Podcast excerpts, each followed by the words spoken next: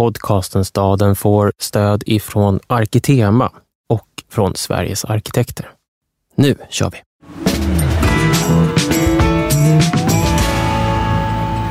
Vi tänkte i det här avsnittet göra ett återbesök i 2010-talets arkitektur, städer och debatt. Någon gång i framtiden kanske vi kommer att minnas 2010-talet lika distinkt som vi nu minns och pratar om till exempel 1960-talet. Det var i alla fall ett årtionde då det byggdes väldigt mycket mm. och det debatterades om städer väldigt mycket. Men att återbesöka förra decenniets debatter och artiklar och böcker kan onekligen ge en viss bismak av aska.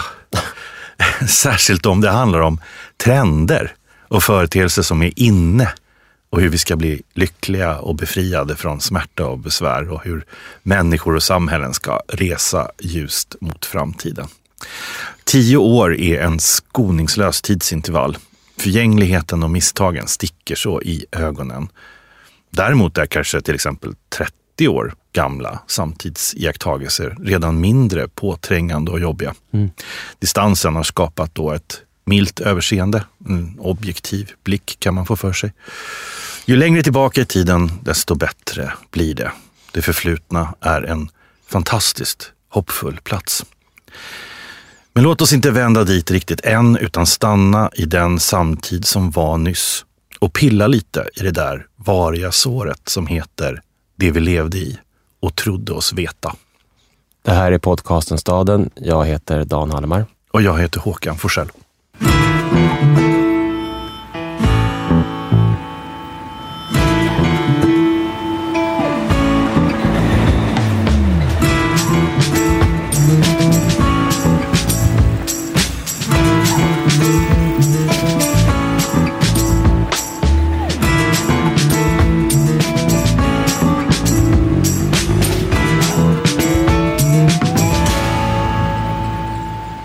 När vi kliver in i diskussionen om städer på 2010-talet så är det som att det finns en solig, nästan utopisk idé om vad städer är mm.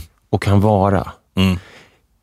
Det är liksom eh, en eh, idé om att staden är, har växt, blivit stor, Mike Davis har ju konstaterat att det är en planet of slums. Och det där har folk tagit in, men det finns ändå en idé om att staden är själva lösningen på det problem som den i någon mening själv har skapat. Mm. Både ekologiskt och ekonomiskt. Mm. Ja, entreprenörskapet, smartheten, en grön stad, en city fix, effektivitet, kompakta städer grön kapitalism. Eh, det kommer ett antal böcker här i början av 2010-talet som eh, just eh, identifierar de här möjligheterna, utopierna, soligheten. Mm. Lite, jag ser den framför mig som en så här flanör, en lite privilegierad ekonom som vandrar genom städernas olika områden, fattiga och rika och med ett leende på läpparna liksom tänker att ah, det här löser sig. Det kommer ordna sig. Det finns någon sorts osynlig hand, en ekonomisk osynlig hand, en ekologisk täthet som kommer fixa det här. Bara att använda ordet flanör på ett liksom icke-ironiskt sätt, ja. det dog ju ut där ganska snart sen efteråt. Det ja. var ju liksom omöjligt. Men på 10-talet kunde man nog kanske fortfarande komma undan med det lite grann. Ja, men det är som en du vet, ljus linnekostym i en smutsig verklighet. Mm.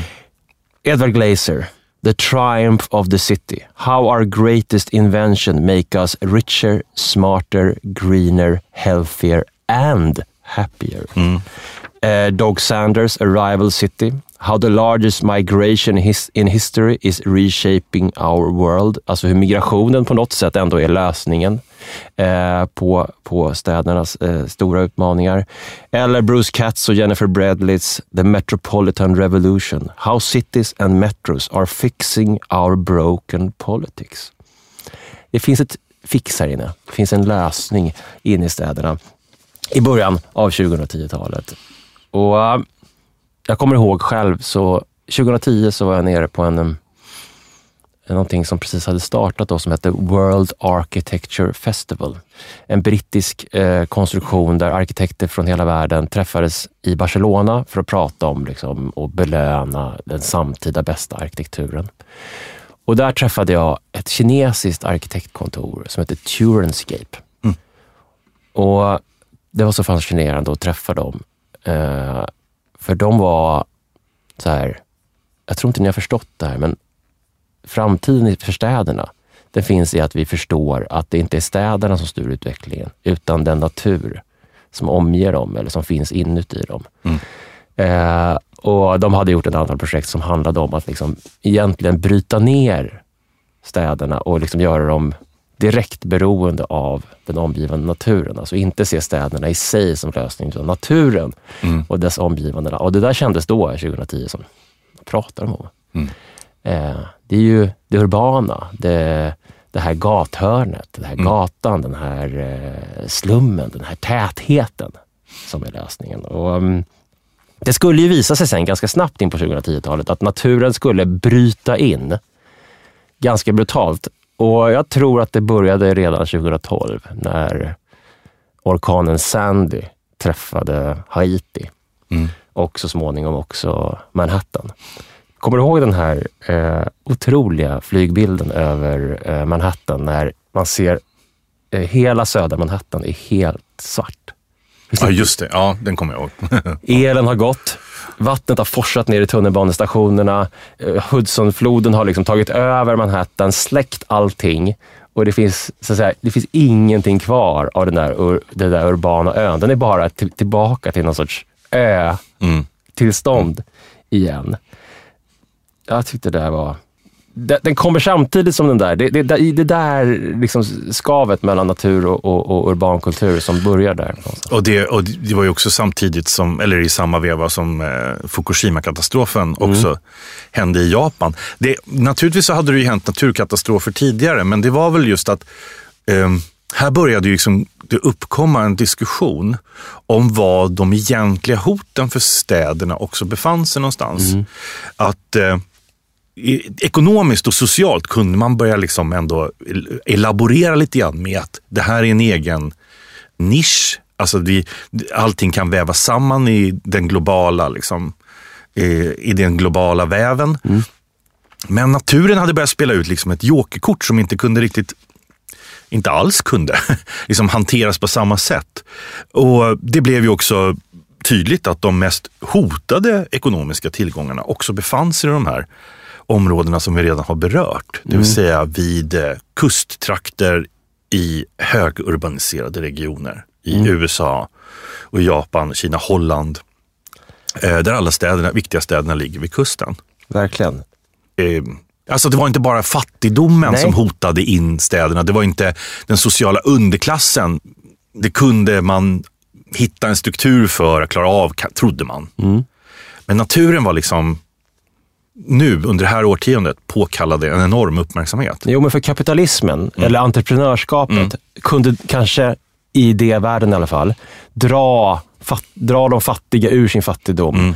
Dra slummen ur sin slummighet. Men, Ja.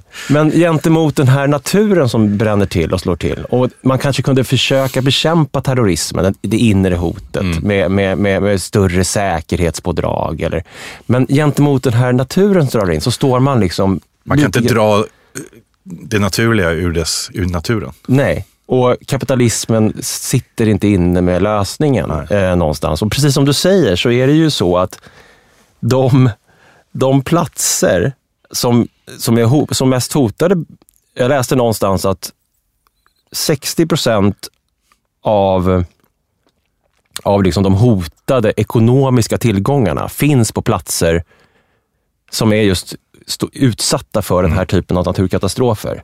De nämner då New York såklart, eh, New Orleans, Osaka, Kobe, Tokyo, Amsterdam, Rotterdam, Nagoya, eh, Sankt Petersburg. Alltså städer som är en, en, en, sorts, eh, vad ska man säga, eh, hubbar i en, en, en global ekonomi som på ett helt annat sätt förändrar världen än när, när naturkatastrofen drar in över, över Haiti, vilket i sig är en tragedi.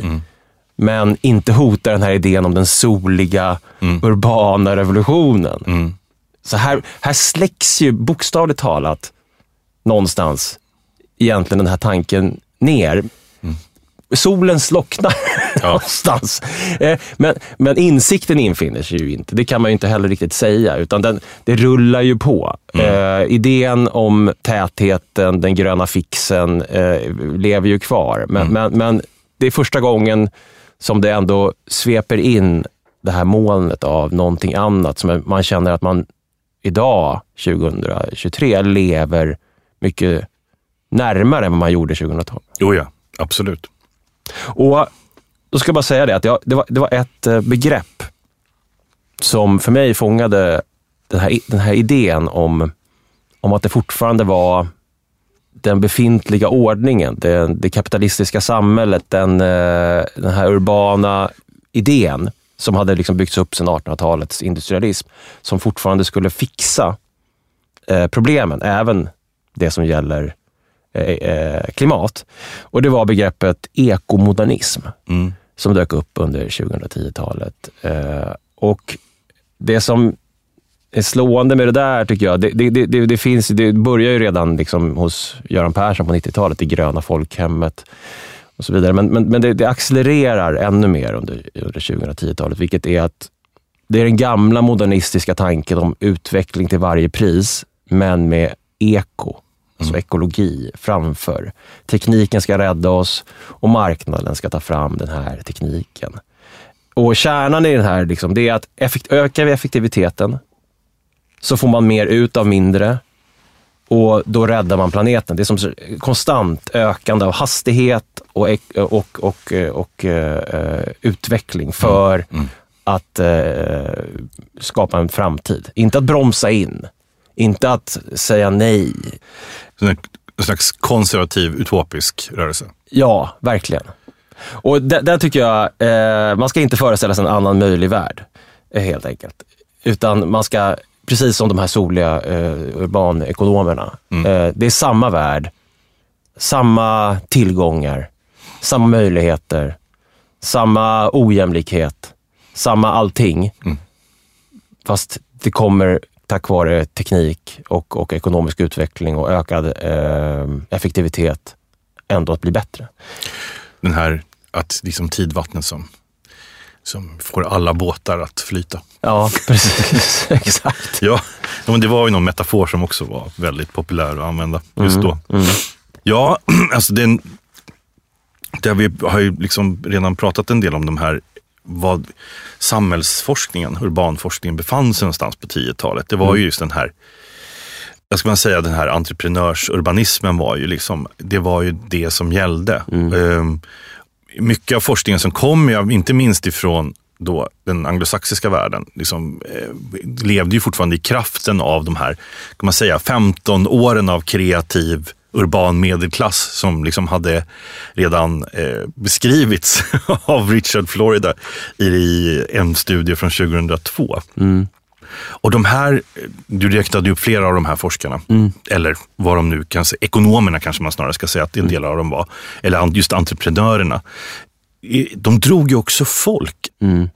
Eh, jag skrev lite grann om det här när det liksom pågick runt 2012 också. Det var ju fascinerande att se hur fort det hade gått ifrån, du nämnde ju Mike Davis bok om The Planet of Slums, den sl, eh, slumstudien som var en ganska dystopisk bok som pekade på att stora delar av världen nu håller på att bli urbaniserade utan att ha tillväxt. Alltså egentligen fördrivs av olika av olika skuldkrav, inte minst från Världsbanken, ifrån sina jordplättar. Eh, jordbruket utarmas och man hamnar i städer i Afrika och Asien.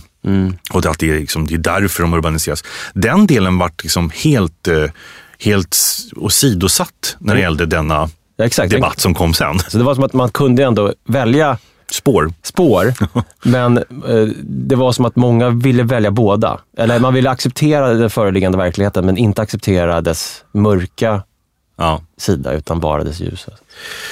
London School of Economics hade ju eh, också en väldigt uppmärksammat eh, samprojekt, kooperativt projekt tillsammans med Deutsche Bank eh, som gjorde att de började publicera stora, väldigt påkostade volymer utifrån forskningssamarbetet. Det första som hette då The Urban Age Project. Den första publikationen kom 2011 hette Living in the Endless City. Mm. Och där formulerades ju sen ett, just ett tema som skulle återkomma hos flera av de här forskarna och debattörerna. Nämligen att, liksom, att slum bara är en annan form av tät ekonomisk stad som man då inte behöver man behöver inte ha den formen av upprördhet inför den, Nej. ungefär. Mm. Eh, och ehm, mycket av de här, det här debattklimatet som växte fram utifrån liksom den globaliserade urbana nätverket som mm. var verkligen 1910-talets slogan. Eh, bortsåg helt enkelt mycket från mycket av vad som tidigare forskning hade då observerat om social utsatthet eller sweatshop-kluster, prekariat, informalitet och liknande. Mm. Och det mest frapperande är väl kanske att ett av de begreppen som man använde minst av allt i sina studier, det var eh, begreppet kapitalism. Helt enkelt man skippade delar av en sån typ av maktanalys. Man ville mm. liksom inte, den ansågs förlegad. Mm. Eh, man kunde diskutera mattvävarna i Mumbai och riskkapitalisterna i Jersey på ja, men liksom, okay, de är lite olika aktörer, men deras förhållande till varandra framställdes ändå som liksom, påfallande ohierarkiskt. De hörde ihop. Mm. De var beroende av varandra. De var entreprenörer. Ja, och den globala ekonomin var liksom ett ekosystem. Mm. Den miljömetaforen galopperade in med, eh, med alla hovarna. Mm. Det här ekosystemet skulle man liksom helst inte rubba. Man skulle låta det växa. Man skulle liksom vattna det. Och så. Och de här studierna var, naturligtvis kritiserades de för att vara teorisvaga, vilket de var. Eh, men de var väldigt självsäkra. De var väldigt konkreta i sina resonemang. De hade en världsvan stil, mm. som mondäna. Mm. Så som män, ofta män som skrev, som hade liksom typ varit överallt, mm. kollat in det här. Mm. Eh, men resonemangen kring det här med produktivitet och ekonomiska prestationer saknade ju liksom en etisk, alltså en, en moralisk dimension. Mm. Vilket gjorde att många samhällsforskare eh, som hade varit i branschen rätt länge blev jävligt förvirrade. Mm. Här var det ju folk som visste en hel del saker. Mm. Men deras slutsatser var liksom fulla av moraliska hål. Mm. Och det där tycker jag också man ser, apropå vad man ser som kan kännas jobbigt när det bara har gått en drygt tio år sådär. Det är ju just det här att hela den diskussionen som vi har haft nu om prekariat, om, liksom, om arbetsplatsolyckor, om liksom den ekonomiska brottsligheten som smyger in i alla delar av den mm. urbaniserade ekonomin. Den är liksom så frånvarande här. Mm. Det här är bara liksom, kom igen, alla, live and let live. Liksom. Mm. Sluta och döma. Och så. Mm. Den passar också som hand i handske. Den, den, den tar ju plats kanske mer i, vad ska man säga, i politik mm. och eh, kanske tjänstemannakrets, alltså de som ska utföra arbetet i städer. Mm. Det finns något förlåtande i det, så att säga. Vi kan, för att är det någonting man ska säga om, om spåren efter 90-talskrisen, det tillsattes en enorm mängd med utredningar och diskussioner, inte minst i Sverige, om liksom, vad ska vi göra med eh, ojämlikheten i våra städer. Mm. Ja, ja, verkligen. Det var, det var en De här storstadssatsningarna och Blomman-pengarna och allting. Ja, och också utredningar om mm. hur ser den här ojämlikheten ut. Verkligen. Eh, så att det fanns ett, ett starkt samvete och en stark känsla av att vi har skapat, ett, i den här 90-talskrisen har skapat en enorm ojämlikhet. Vi måste hantera den.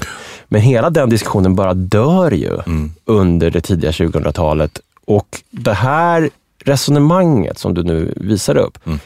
liksom är ju plåster på såren för det, liksom det samvete som, som eventuellt då kanske i någon sorts subliminal Mm. socialdemokratisk eh, liksom, hjärna lever kvar. Ändå en känsla, vänta, var det inte no jag, jag kommer inte riktigt ihåg. Det var Nej. någonting där. Ja.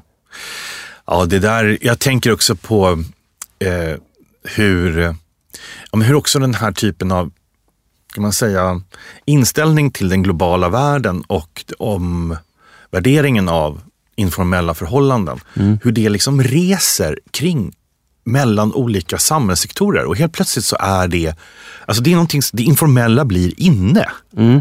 under 2010-talet. Mm. Och helt plötsligt så dyker det även upp typ i arkitekturtävlingar. Mm. Alltså när det gäller ny, man liksom, nybyggda projekt Mm. som också vill liksom antyda eller liksom inbegripa delar av att det kan finnas en informell kvalitet i det här som vi vill göra. Mm. Jag tänker på den här arkitekturtävlingen 2012 Mm. i Rosengård.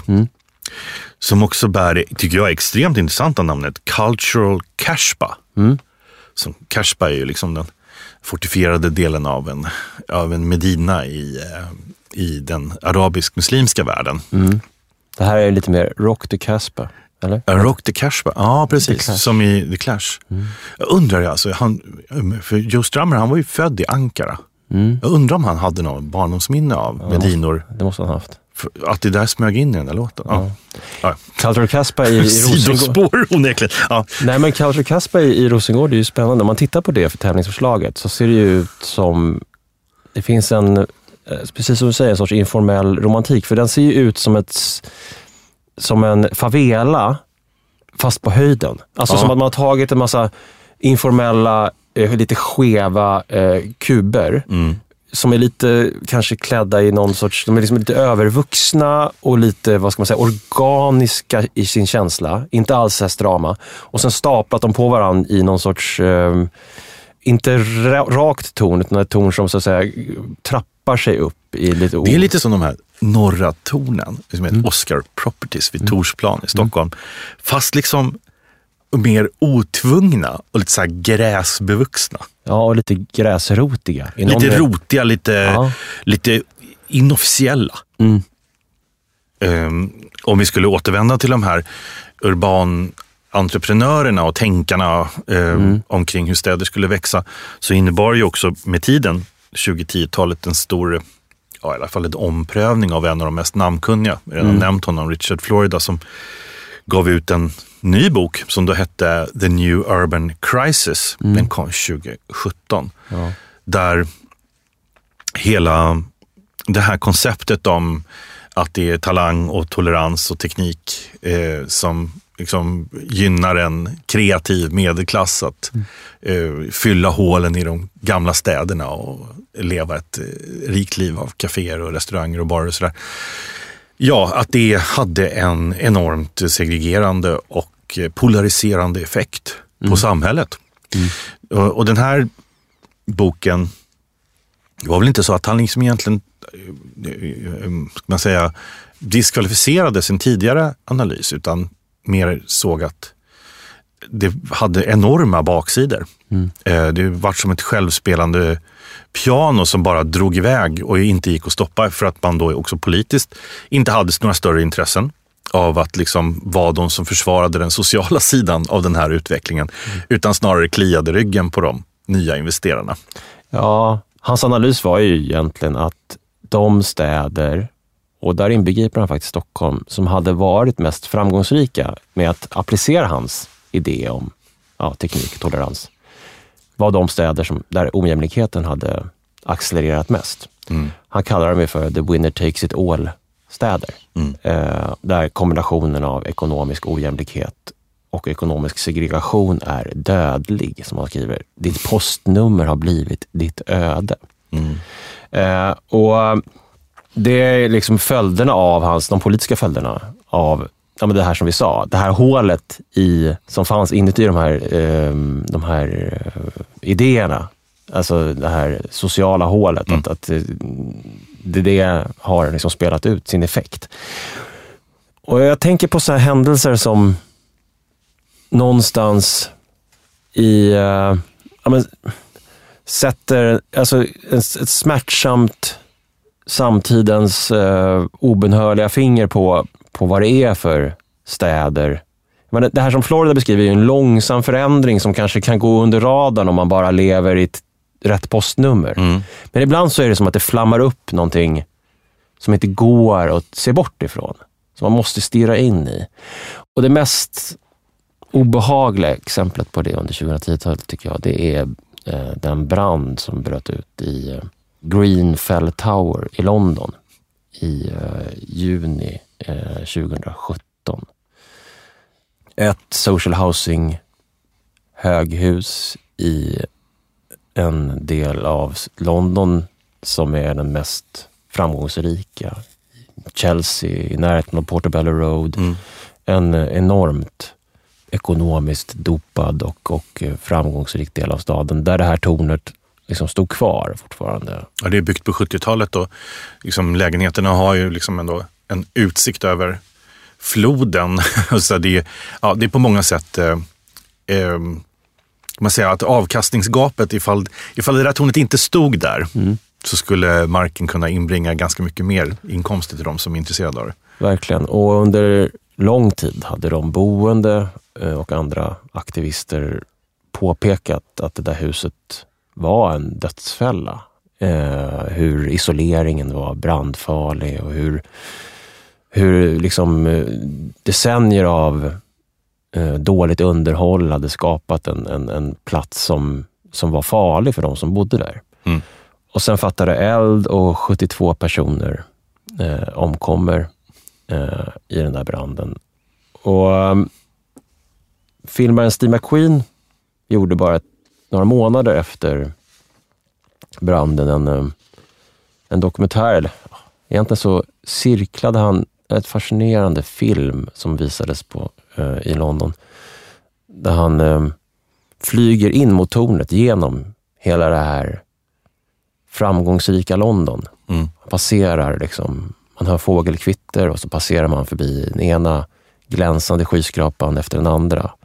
Och så plötsligt befinner man sig öga mot öga med det här utbrända tornet och så kommer man närmare och närmare och ser in i dess nersmälta och, och, och uh, förstörda interiör där folk, där liksom arbetare går och plockar ordning på, alltså försöker bara städa undan innan de ska bara uh, spika för allting. Så cirklar man, man runt det där. Och det kanske det är en av de mest gripande scenerna som jag har sett av den brutala ekonomiska cynism och eh, girighet som eh, ändå i någon mening kom att liksom prägla mm. 2010-talet. Jo, för det var ju så uppenbart när man liksom tittade på den där olyckan hur man direkt kunde analysera vad som hade liksom plockats bort ifrån det allmänna och det sociala eh, för att liksom istället gynna privata investerare. Och det där du pratade om att liksom det var brandfarligt och så. Det hade man ju vetat om i flera år. Man hade inte gjort någonting åt det. Man hade inte förbättrat någonting. Eh, man hade snarare liksom, eh, gjort kraftfulla besparingar. Mm. Och sen så fanns det då en politisk retorik som pekade ut eh, de som bodde till subventionerat boende, de här social housing, som att de tärde på statskassan. Mm. Eh, och på alla sätt liksom var ovälkomna i, i staden. Jag kommer att tänka på en bok som kom också på 2010-talet som vi läste när vi var i Sheffield. Uh, Owen Jones uh, bok uh, Chores om demoniseringen av arbetarklassen. Mm. det här är en sån slutpunkt. Den börjar ju redan under Thatcher på, på slutet av 70-talet, början på 80-talet, men, men, men eskalerar och, och, och, blir en sorts nästan en internaliserad del av, av, av det brittiska, men också, jag menar, det, det, det är inte helt olikt eh, andra europeiska eller västeuropeiska länder. Men, men den, den tyckte jag, när jag läste den så fick man ändå någonstans den idémässiga, mm, vad ska man säga, fnösket till liksom att det här tornet egentligen i någon mening, ja, så kanske är hårt att säga, men det skulle brinna upp någonstans. Mm. Det var liksom, det stod inskrivet i, i dess öde någonstans.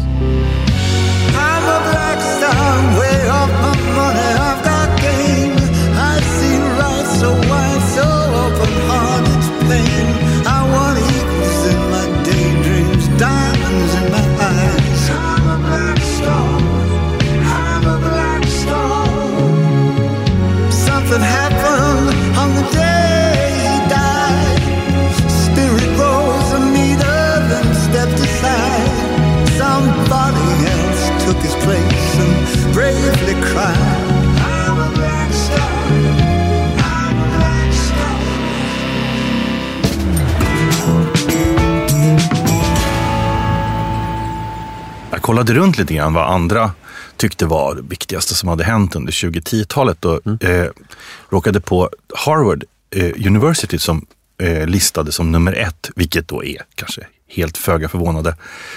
The Rise of Smartphone and Streaming Services. Mm. Det är så här, appkulturens etablering. Mm. Och där finns det ju mycket som man kan eh, med skräckblandad förtjusning gå igenom från 2010-talet.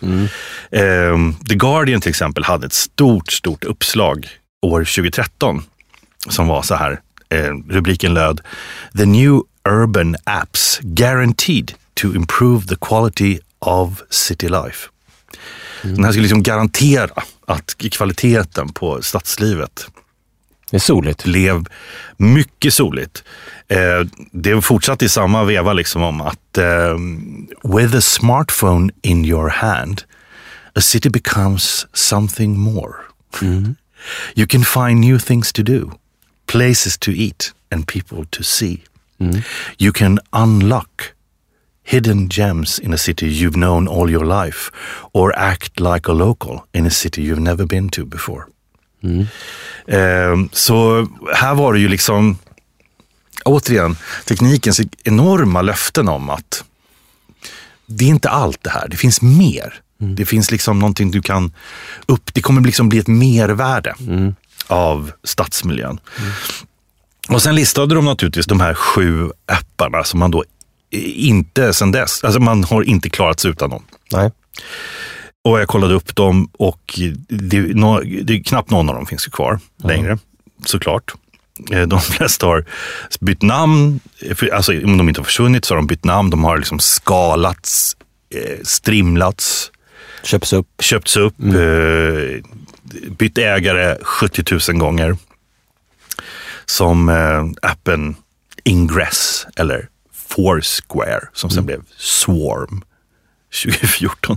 Och det intressanta med de här apparna, och det är ju ofta det här att du ska liksom vara någonstans och sen upptäcka restauranger eller vägar eller eh, även just du ska kunna interagera med människor.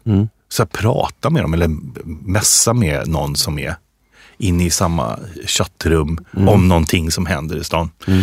Eh, kändes kanske jättefrämmande för mig redan då, men nu är det liksom så ännu mer helt eh, marsaktigt.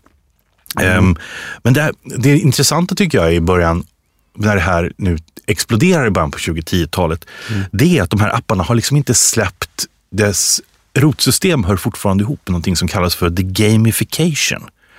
Alltså att man, det är som ett spel. Alltså att man spelar ett spel. Eh, och du minns säkert geocaching. Att man liksom skulle leta efter hemliga saker som var gömda eh, med hjälp av eh, GPSen och en karta och liksom lite ledtrådar. Jag tror geocaching sen, det, är väl, det finns väl alltid några få som blir kvar där. Man släpper några, några bara, jag, lämna mig, gå vidare ni.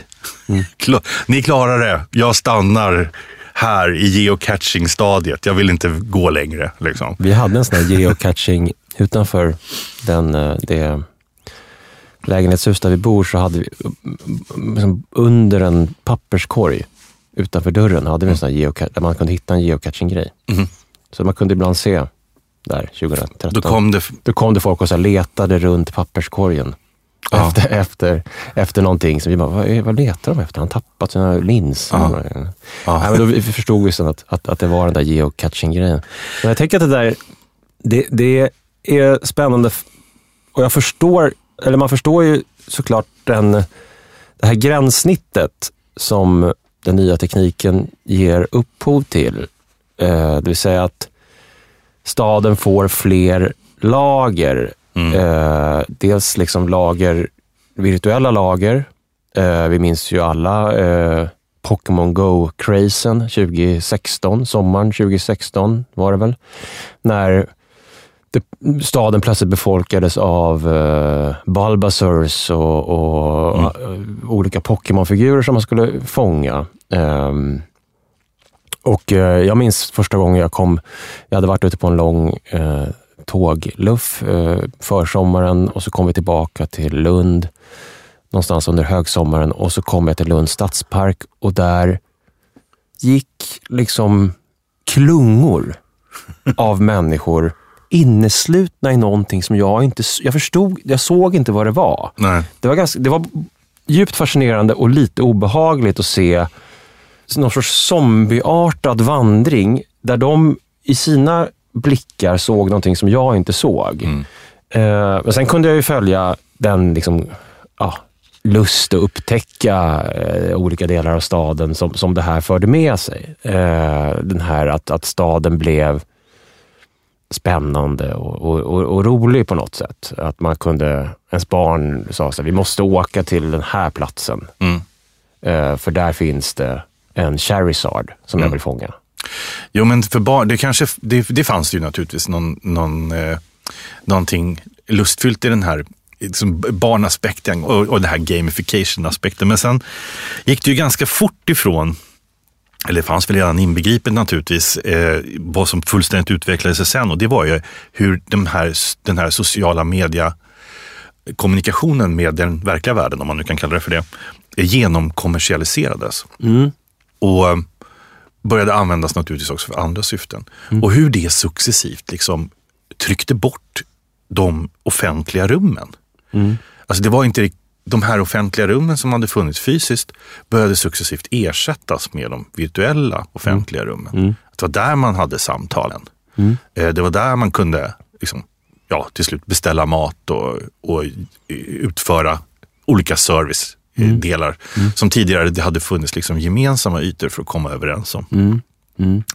Ehm, och den här teknikutvecklingen gjorde ju också att det, gränsen blev ju väldigt blörad mellan vad som var offentligt och vad som var privat. Vad var de här apparna och vad var liksom internet och apparna egentligen för slags sfär? Ehm, det, var liksom, det tog ett tag innan man liksom kunde uppfatta var gränsen egentligen skulle dras där. Ja, för jag minns någon gång, det måste ha varit 2010, så kom det en diskussion om Facebook och huruvida Facebook var en offentlig plats eller en privat plats. Mm, mm, Jag tror Per Schlingman, som då var någon moderat mm, partisekreterare kanske, eh, hade kommenterat någonting på sin flickväns Facebook och det hade blivit en diskussion om så här, var det här någonting som en, eh, var det rimligt för en moderat partisekreterare att använda det här språket, att säga så här. Och då var diskussionen om, ja men det här är en privat plats. Det här är en lägenhet eller det här är en, en privat fest. Eller är det ett torg? mm. Eh, och det, då vet jag att jag blev intervjuad i någon sån här eh, Kulturnyheterna på tv, liksom, eh, på Odenplan i Stockholm. Vad är, vad är sociala medier för någonting? Är det ett torg eller är det liksom en, en privat plats? Och jag tycker det där är så intressant, för att då, det som det visade sig sen, om man nu ska följa vad som hände med sociala medier, i hur de på något sätt simulerade eh, det, det, den klassiska idén om det offentliga livet. Så att om diskussionen då var, är det privat eller är det offentligt? Så blev svaret någonstans, ja men det är semiprivat, eller det är, det är ett köpcentrum. Mm. Det är kontroll, det är offentligt men det är kontrollerat. Mm. Eh, Det styrs av få aktörer. Det finns en fastighetsägare, det finns en makthavare som, som äger hela eh, din eh, miljö. Mm. Det finns varumärken som, som driver dina, det du gör. Eh, så att svaret på det där, alltså den, i den utopiska, soliga bilden så var det någonting som gjorde staden större. Mm. Men i den verkliga utvecklingen så var det någonting som, som ledde snarare in i någon sorts grindsamhälle eller något sorts slutet köp. Jag, jag minns, jag minns Men som köpcentrum, jag, Ja. jag tror att det var, jag tror vi båda lyssnade på den eh, podden med Sam Harris som kom också i början på, ja, den kom 2015, 16. ja kanske det var det, då, eh, då temat var att eh, internet är, vi har blivit inlåsta i internet. eh, Som att det var en stad som var planerat av stora modernistiska planerare. Som jättelika fastighetsägare. Inte småskaliga fastighetsägare utan liksom stora block. Det fanns liksom några stora eh, som bestämde hur det skulle se ut. Och det var liksom Facebook, det var Twitter, det var Google, Microsoft. Det var, det var de som bestämde. Och vad Sam Harris och det samtalet som han förde, då, vad de efterlyste var ju att även internet och sociala medier skulle behöva sin Jane Jacobs. Ja, just det. En småskalig, eh, ett gränssnitt mot användaren som låg närmare det som användaren skulle egentligen uppleva som någonting som var positivt för ens liv. Ja. För att det som man hade identifierat med det här var att, eh, att det fanns ett glapp mellan det man gjorde i den digitala staden och det som man egentligen ville göra. Om man frågade folk. Eh, affärs, vi var ägda av affärsmodellen.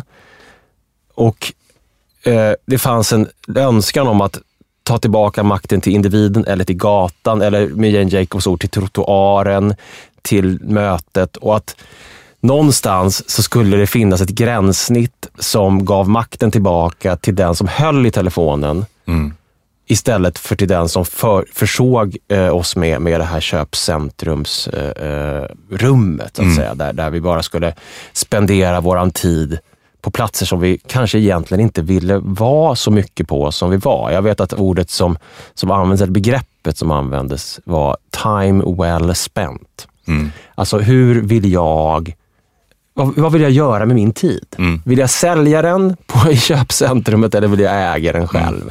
Och den där diskussionen tyckte jag var väldigt spännande, för det, det, den, den illustrerar på något sätt rörelsen från det soliga app, den appstaden, happiness, Ja. till den mer dystopiska inlåsning.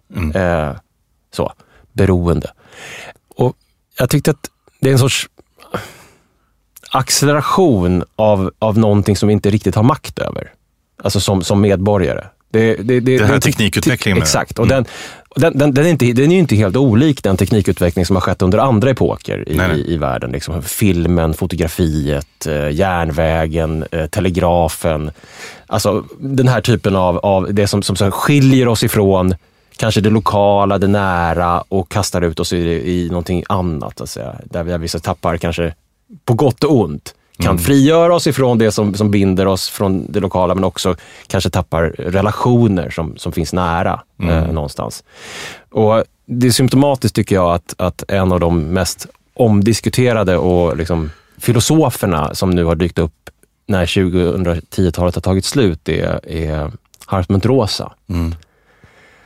Vars grundläggande filosofi lite knyter an till den här eh, samtalet som Sam Harris hade med Tristan Harris, hette han, som, som var gammal Google-anställd som pratade om det här time well spent. Just det. Och det är det här begreppet eh, resonans som Hartmut Rosa pratar om. Vad betyder det? Ja, men det är när accelerationen ökar, när utvecklingen går fortare, när vi kanske upplever att vi inte riktigt har, har makt över hur vi spenderar vår tid eller hur våra liv liksom spelas ut i, i, i den här eh, samtiden, så finns det ett behov av relationer. Det kan vara relation till någonting som det byggda, det som är nära. Det kan vara relation till landskap. Någonting som saktar ner accelerationen. Som inte är olikt Jane Jacobs. En trottoar, en, eh, en blick genom fönstret, eh, en eh, lokal på hörnet där tiden står lite sti- mer stilla. Eh, alltså någon sorts, någonting som resonerar med oss. Någonting som, en klang som, som talar till liksom våran, vårt behov av närhet, intimitet, eh, Sammanhang. sammanhang, verkligen. Och eh, det, det där, jag tycker att det är, det är liksom, ja, han, han formulerar, tror jag, hela, 20, alltså hela erfarenheten från 2010-talet tror jag leder fram till hans, hans, hans eh, resonemang Mm, någonstans. Alltså det vi pratar om nu, det är ju liksom, ehm, eller en aspekt av det vi pratar om är ju liksom det som sammanfattades i liksom begreppet smart cities. Mm. Där just den här formen av ny teknik mm, med liksom virtuell service med appar och sådär spelade ganska stor roll. Och sen medborgarinflytande skulle gå via det. Eh, mycket av stadsplaneringen, mycket, så här, mycket så op optimeringen av miljön skulle få hjälp av en ny teknik. Mm. Och med tiden så kan man väl kanske känna att det är någonting som på allvar eh, var väldigt problematiskt. Nästan konträrt till liksom städers själva liksom, existensberättigande i att tänka kring de här tekniskt drivande smart cities-lösningarna. Alltså relationen till det byggda, det faktiska, ja. stenarna. Stenarna, ja men precis. Jag tänkte just på den boken som har kommit ganska nyligen tidigare i år, som jag tycker också formulerar en bra kritik mot eh, den här utvecklingen som verkligen eskalerade under 10-talet med smart cities. Då. Och, det är eh, arkitekturteoretikern Lars Markus bok Städernas stenar, mm. som då är en bok om urban morfologi, alltså det vill säga hur vi bygger och vilka ägandemönster som finns i städer och sådär. Mm. Eh, och vad Marcus gör i den här boken, det är ju liksom att kontrastera två stycken olika förhållningssätt till teknik. Man kan ha high-tech till exempel. Alltså man satsar på eh, spetsig teknikutveckling som kan då hjälpa städer till exempel att få medborgarinflytande, eh, utvecklas på specifika sätt. Mm. Eh, eh, och det är det som är teknikens liksom, syfte i stadsmiljön, att mm. ständigt göra det. Eller så kan man ha, satsa på low tech. Och det är liksom de stabila eh, plattformarna för, som städer då ska bygga på. Och det här tycker jag är en intressant jämförelse för att liksom det, enligt Marcus så är det då betydligt mer framgångsrikt och hållbart faktiskt att eh, satsa på low tech. Städer bör satsa på low-tech. Det ska vara lågenergiverktyg man satsar på. Mm. Mångfunktionella saker. Mm. Anläggningar helt enkelt. Mm. Eh, städer ska i mindre grad ägna sig åt att satsa på det som han kallar för instrument. Som är högenergiverktyg, de är smala, de är oerhört effektiva att utföra ett eller ett fåtal specifika uppgifter. Mm. Eh, och smart cities var en rörelse som ville förvandla städer från, från eh, platser som prioriterade anläggningar. en bro till exempel? En bro, ett mm. bord, mm. en, en liksom bänk, mm. en eh, idrottshall. Mm. Inte en mikrofon. Liksom, eller liksom en höghastighetsgrej som man skulle kunna använda Nej. någon gång då och då. Eh, men just att Smart Cities var, hade den inbodda önskan att förvandla städer från anläggningar till högteknologiska instrument. Mm. Eh, för att de skulle bli så här, vi måste göra städer enklare att använda mm. genom att installera ett, ett slags avancerat tekniklager över den byggda miljön. Mm. En slags informationsteknologi som per utvecklings, alla utvecklingsbegrepp kommer att bli snabbt föråldrad. Mm. Och det intressanta tycker jag med det här är ju också att eh, anläggningar är mycket mer socialt inkluderande mm. än instrument. Mm. Alltså, de föreskriver inte vad man ska göra där eller vem som ska göra någonting i en stad. Mm. Utan bara ställer en möjlighet till förfogande. Mm. Och jag tycker här finns det ju liksom en uh, här finns det en väldigt rimlig kritik mm. mot den utvecklingen som nådde någon slags liksom, peak under 2010-talet. Mm. Och också kan det ju få en att besinna sig lite grann om man säger så att vad var det pengarna gick till egentligen? Ja, den gick till en mängd olika innovationer inom teknologin. Man kunde göra saker mer spetsigt, eh, tekniskt snabbare. Du kunde liksom ladda ner podcastavsnitt dubbelt så fort, spela upp det lite bättre. Liksom alla, den här, alla de här eh, investeringarna som gick till olika appar och till olika liksom, mm. virtuella tekniska utvecklingar. Mm. Där man kanske också glömde bort en del, ja, men vad ska det ha för innehåll då? Alltså, vad, vad fick musikerna och konstnärerna och författarna av det här? Liksom, mm. De som fyller tekniken med innehåll. Mm. Om du har en superavancerad teknik och sen så liksom de berättelser och de erfarenheter du får ta del av det är liksom skittråkiga. Vad ska du med tekniken till då? Det är den ena sidan av det och den, den är ju tycker jag också, den är superspännande. Det finns en annan sida av det som jag också tycker är intressant och det är att lite grann som med Richard Floridas idé om den kreativa staden, så är det som att tekniken aldrig, och det kanske är rimligt och det kanske är inbyggt i teknikens idé, att den aldrig så att säga förutser sina egna konsekvenser. Mm. Vad blir följden av den här tekniken? Mm. Hur förändrar det vår värld? Just det. Vad gör den med oss? Hur förändrar innehållet? Mm, ja, och verkligen. då tänkte jag så här. Jag hittade ett inlägg. Jag satt och scrollade igenom mina gamla Instagram-inlägg, apropå teknik då, eh, från 2010-talet. Och då hittade jag en, en, grej som jag hade delat 2016, där ett nytt företag eh, nu spred ut sina tentakler över Stockholm. Eh, ett företag som heter Fodora, eh, som hade startats eh, ett år tidigare, Eh, eller startat 2014 och fått sitt namn Fodora 2015 eh, och nu börjat etableras i Sverige. Och då eh, eh skärmdumpade jag en, en, en, en post från Fodora eh, där de skriver så här. Vi hörde att fler vill kunna få mat från Stockholms bästa restauranger hemlevererat. Eh, eftersom sportlovsveckan handlar om idrottande så kommer vi under denna vecka ha en tävling mellan norra Djurgårdsstaden och Hammarby sjöstad. Dessa två områden som tills nu inte har kunnat beställa från oss får under denna vecka chansen att prova vår tjänst. Det område med flest orders för veckans slut stannar som ordinarie leveransområde hos oss. Alltså man, hur eh, man i norra Djurgårdsstaden och eh, Hammarby sjöstad rusar till sina telefoner och började beställa hem mat från Foodora. Ja. Men det jag tycker är intressant med det här med Foodora då, vilket är en sorts livsstilsapp som gör att folk inte behöver lämna sina hem för att beställa mat, det är ju att den i grunden skapar alltså förstärker någon sorts prekariat mm. och ett klassamhälle Visst. och ett tjänstesamhälle och en, ja, eh, skapar en underbetald och oorganiserad arbetarklass som, som cyklar runt eller åker runt på våra städer med, med rosa eh, lådor på, på, på ryggen. Är Foodora väldigt, har jag hört väldigt noggrant och jag säger att de har kollektivavtal.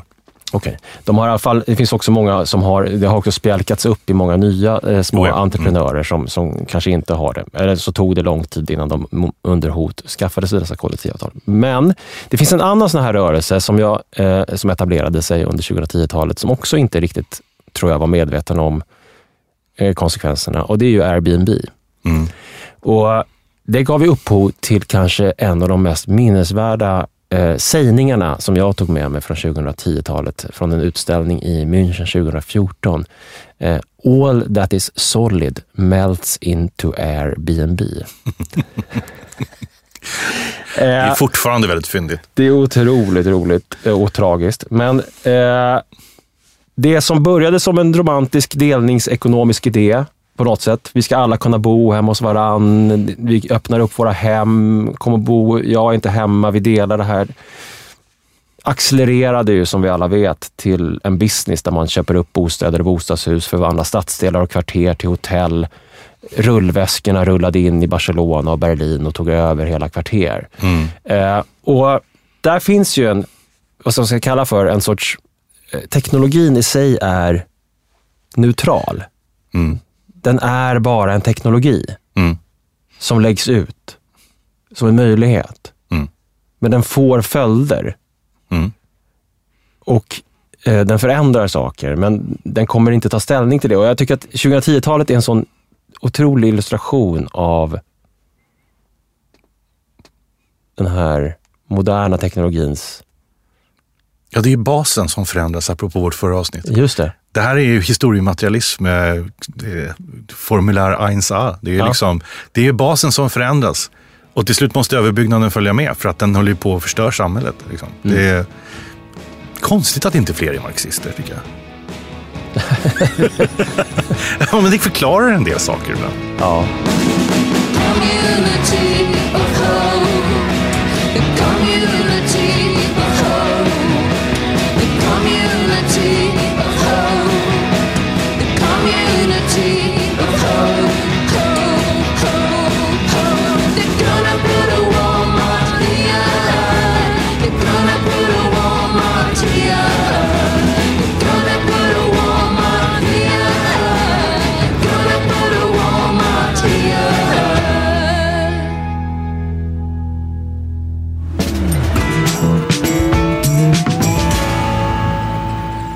Lätt att när man pratar om stadens utveckling under ett decennium, att man tittar väldigt mycket på eh, liksom den yttre delen, vad som händer med bostadsutformning, stora byggprojekt, gator och liknande. Men det här var ju också en, ett årtionde då själva bostadens detaljer, alltså den, själva interiören, mm. gick igenom ganska anmärkningsvärda förändringar, skulle man kunna säga.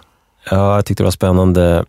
Jag var med tillsammans med arkitektur eh, historikern och teoretikern Claes Kaldenby så gjorde jag en bok eh, på arkitekturförlag som hette 10-talets svenska bostad, som handlade om 2010-talets bostäder. Och i den så skriver Ola Nylander, som är arkitekt och jobbar på Centrum för boendets arkitektur på Chalmers. Just det. Mm. Eh, apropå det här du sa om att det byggdes så otroligt mycket bostäder i Sverige under 2010-talet. Han konstaterade också där att det har aldrig byggts så dåliga bostäder som under 2010-talet. kanske hänger ihop på något sätt. Och med dåliga så menade han då egentligen inte nödvändigtvis att de var byggda av liksom papp och, och, och smäck, utan att de helt enkelt ofta var dåligt planerade. Eh, alltså planlösningar och, och den typen av bostadskvaliteter. Upplevda bostadskvaliteter som, som, som man kan ha i en bostad. Eh, om jag fick börja i en ände som på något sätt kanske delvis följer upp det vi pratade om i förra segmentet, men också leder oss in i det här med bostadens detaljer, så eh, i arbetet med en annan bok som jag gjorde som handlade om folkbibliotek, så hade jag förmånen att få besöka eh, det relativt nybyggda biblioteket i Kista i eh, norra Stockholm. Där biblioteket hade flyttat in i eh, Kista eh, galleria eller köpcentrum och öppnade 2016, 17 någonting.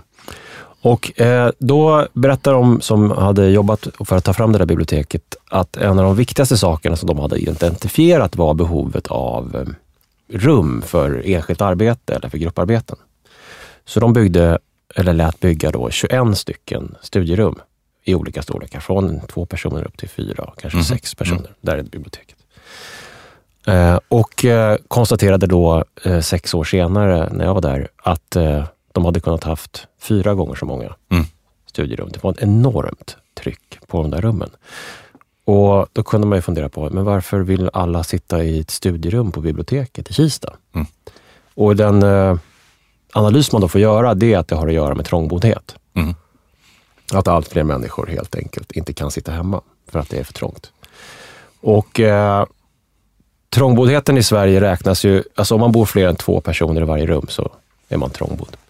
Och andelen trångbodda eh, enligt SCB då, ökade från 3 till 5 procent i Sverige under 2010-talet. Och det låter ju inte så mycket. Men om man tittar på trångboddheten, hur den är fördelat över individer, så kan man säga att 16 procent av alla som är födda, utrikesfödda är trångbodda. Och för de som då är födda utanför Europa så är siffran 23 procent. Medan trångboddheten bland inrikesfödda är 2 procent. Mm. Så att här finns en social eh, segregerad trångboddhet helt enkelt. Som ju naturligtvis blir extra tydlig i, i stadsdelar som eh, Kista, eh, som har en ganska stor andel utrikesfödda eller eh, människor med utrikesfödda föräldrar. Och eh, det, det som jag tycker är intressant med det här, det är att det, där finns en trångboddhet så att säga, som är socialt driven av, av segregation och, och ojämlikhet. Eh, men i det nybyggda segmentet nu, det som byggdes under 2010-talet, så blev också hela tiden, en, en trend man kunde se var att lägenheterna hela tiden blev mindre och mindre. Eh, alltså, och det var ju marknadens svar på liksom att priserna ökade Mm. att göra lägenheter som var mindre. Eh, Så att en, en, en, en tvårumslägenhet, en tvårum och kökslägenhet i början av 2000-talet var 65 kvadratmeter kanske. Mm. Och i slutet av 2010-talet så var den eh, 40 till 45 kvadratmeter. Så 20 kvadratmeter har försvunnit från lägenheten. På drygt tio år. Det är, alltså, Ja. det är, ju, är ju väldigt eh, i genomsnitt. Det är ju ganska ordentlig krympning. Måste man säga. Det är eh, eh, verkligen eh, ganska stor skillnad. Plus då, ja det kan vi komma in på alldeles strax, men liksom just alla, alla detaljer som också har förändrats in i lägenheterna Mm. ytterligare, så att säga, när det gäller förvaring och sånt där, kan ju också spela ytterligare roll. Ja, alltså det är en annan sak då. Till exempel att eh, i nybyggda lägenheter så har, eller nybyggda bostadshus så är förråden borta Mm. i, eh, i källare och på vind. De har flyttat in i lägenheterna istället.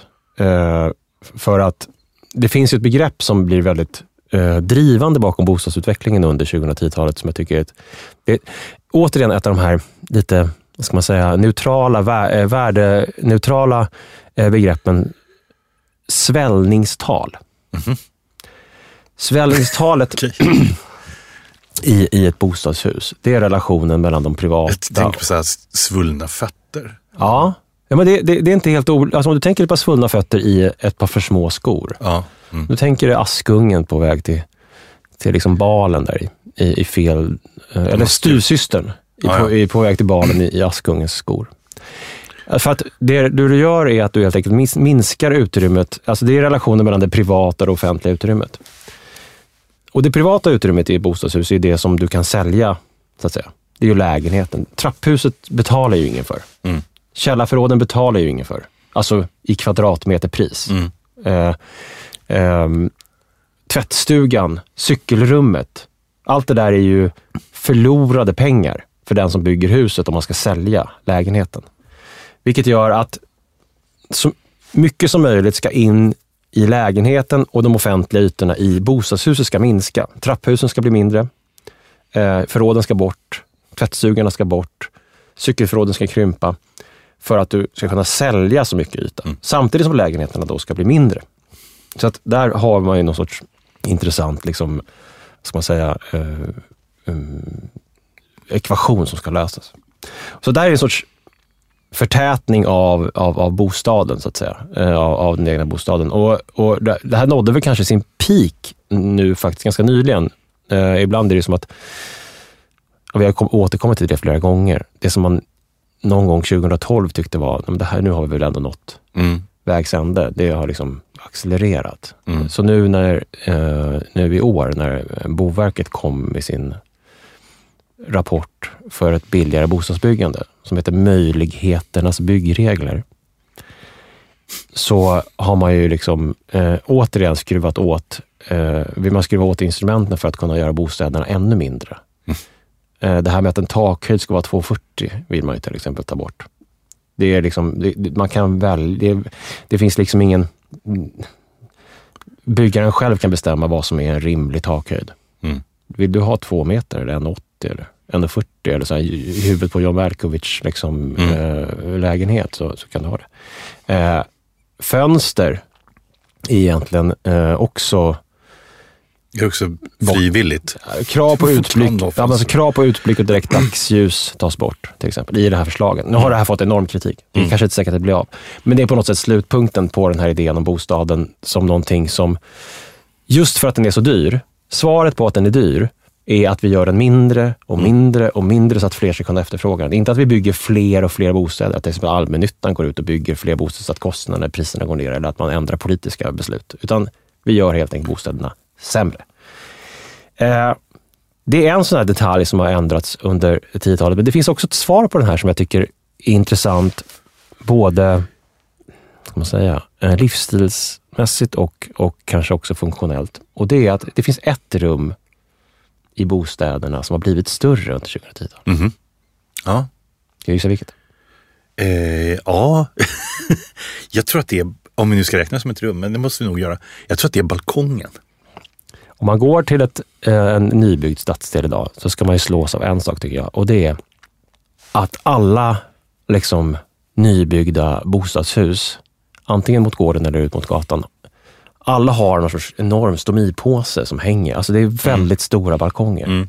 Eh, går man nu på vintern kan man bli lite dystopiskt lagd för då där står mest cyklar och, och, och sånt där. Det är ingen som Vilket använder i och för sig är logiskt med tanke på vad du just beskrev. Om. Det finns Det cykel- cykelrummet, det, ja. är borta. Ja. Eh, och grejen är att, att, att balkongen är ju en av de få funktioner då i bostaden som aldrig har varit reglerad eller normerat. Så att där, där kan man så att säga eh, göra lite grann som man vill.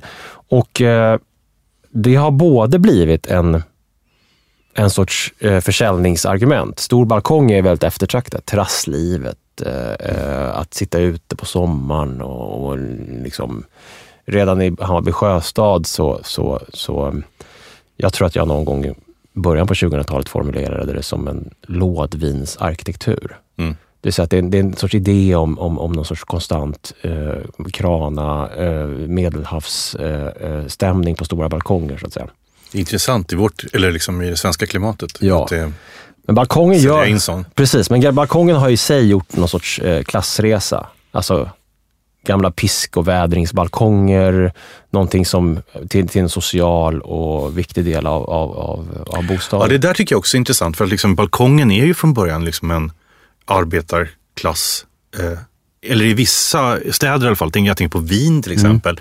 Där liksom balkongen skapades för dem som inte hade, kunde eller hade råd. Och liksom, lämna stan på somrarna. Just det. det här med hemester som det då hette på, heter på svenska numera var ju redan på 20-talet förknippade att man, man då kunde bygga nya arbetarlägenheter med balkong. Mm. Eh, och tittar man på liksom riktiga alltså stadsdelar som är byggda för övre medelklass eller överklass, inte sjutton har de balkong inte. Nej, nej, nej. Alltså, det är ju, alltså det är ju, det är ju liksom alldeles för proletigt att, ha människor som hänger ut över en balkongräcke. Liksom. Mm. Det går ju inte. Man kan säga att Men nu så Nu har så. det hänt saker.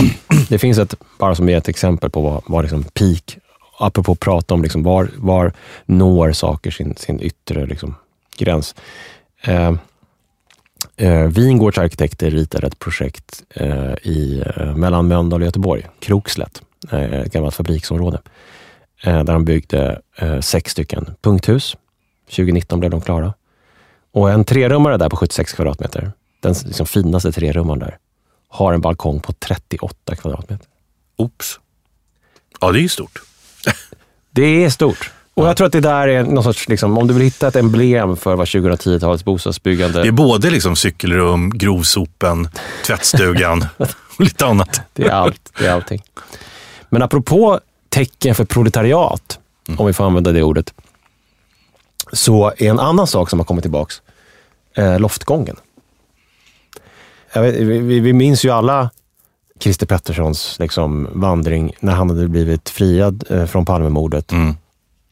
När han kommer hem till sin loftgång i, i Rotebro med två Baileys och en Explorer. Mm. Eller var det två Blo- Explorer och en Baileys? Jag kommer inte ihåg. Men det var två av en och en av en Ja, annan. gjorde ju en, den fick ju en namn, en drink efter det där. Mm. Dräparen, tror jag. Just det, dräparen var det. Mm. Jag tror att det är så otroligt emblematiskt den där bilden med honom på eh, loftgången. Mm.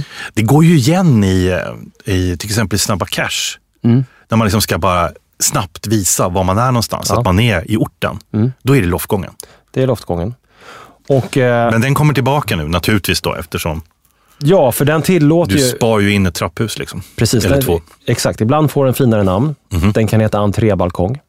Den kan till och med heta svalgång. För att det inte ska ha samma mm, känsla. Mm. Men den gör ju samma sak, det vill säga den ska minska antalet hissar och trappor och göra bostaden och huset billigare att bygga, så att man kan tjäna mer pengar på den. Mm.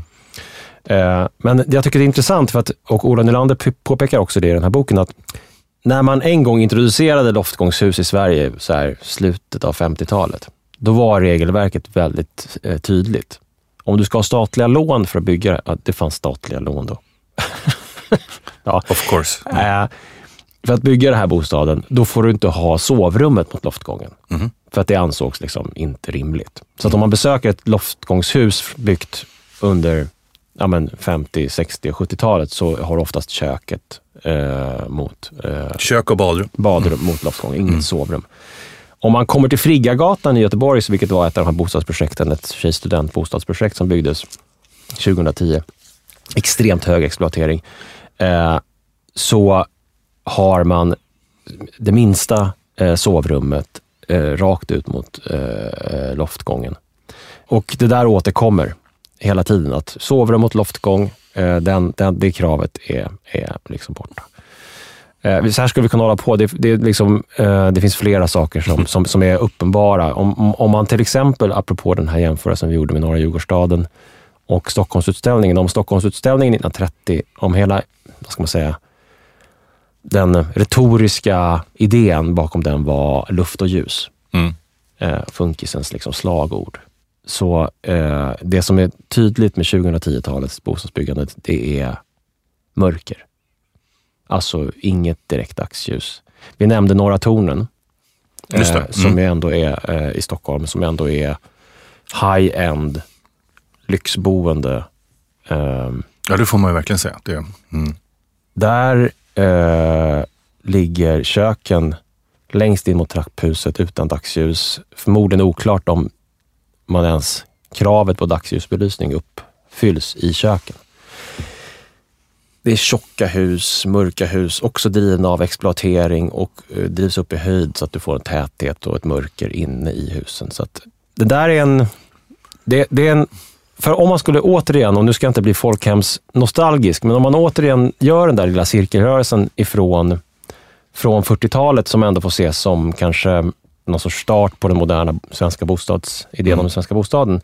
Så där jobbade man ju också väldigt mycket med, man förstod att det måste vara små lägenheter. Det, det, det som började byggas då som, som så att säga, arbetarbostäder i de nya stadsdelarna var ju små lägenheter. Om man åker ut till Augustenborg eller Årsta eller vad det nu är, så är ju lägenheterna små. Mm. Men vad man mycket pratar om, är att just för att de är små så måste de vara otroligt bra planerade. För du måste få upplevelsen av rymd. Det är liksom hela kärnan. Är någonting litet så måste det kännas stort. Mm. Och det är ju en idé när man nu är tillbaka till samma storlekar. Egentligen har man gjort en cirkelrörelse, för storlekarna på lägenheten nu är ungefär tillbaka på de storlekarna som fanns 1940.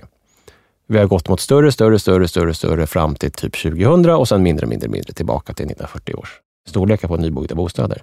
Men känslan av rymd har försvunnit. Och Det där tycker jag är så intressant, för att det kom nämligen en bok som man nu kanske mest hittar antikvariskt, som heter 40-talets svenska bostad, eh, som beskrev svenska bostadsbyggandet på 40-talet. Och där sammanfattar Nils Arbom idén om vad, vad 40-talets svenska bostad ville vara.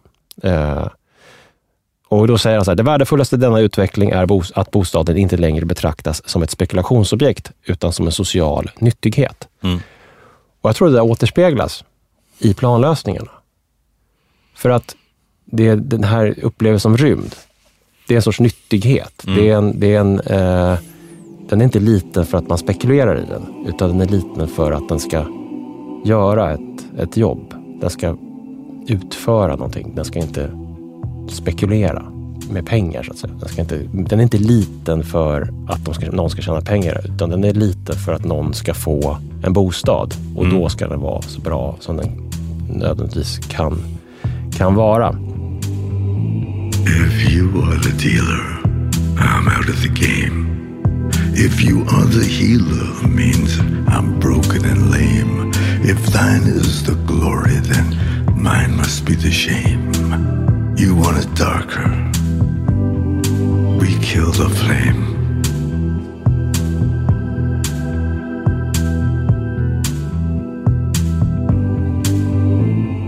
Magnified, sanctified be thy holy name. Vilified, crucified in the human frame. A million candles burning for the help that never came. You want it darker. Tack för att ni har lyssnat på Staden Podcast. Avsnitt om 2010-talet. Vi tar avsked av 2023 med det här numret, men återkommer nästa år. Vi har ju strösslat boktips i det här avsnittet. Vi lägger upp alla böcker på stadenpodcast.se under avsnittet 2010-talet. Eh, där kan ni hitta det. Det gäller också den musik som vi har spelat i avsnittet. Ni kan också höra av er till oss via vår hemsida eller via de sociala medier där vi verkar finnas. Eh, oftast kanske lättast på Instagram skulle jag säga. Podcasten Staden får stöd ifrån Arkitema och ifrån Sveriges arkitekter och produceras av Beppo ljudproduktion. Tack för att ni lyssnar.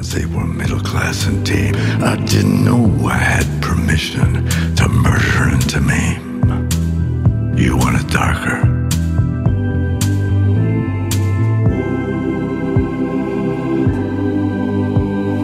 Baby.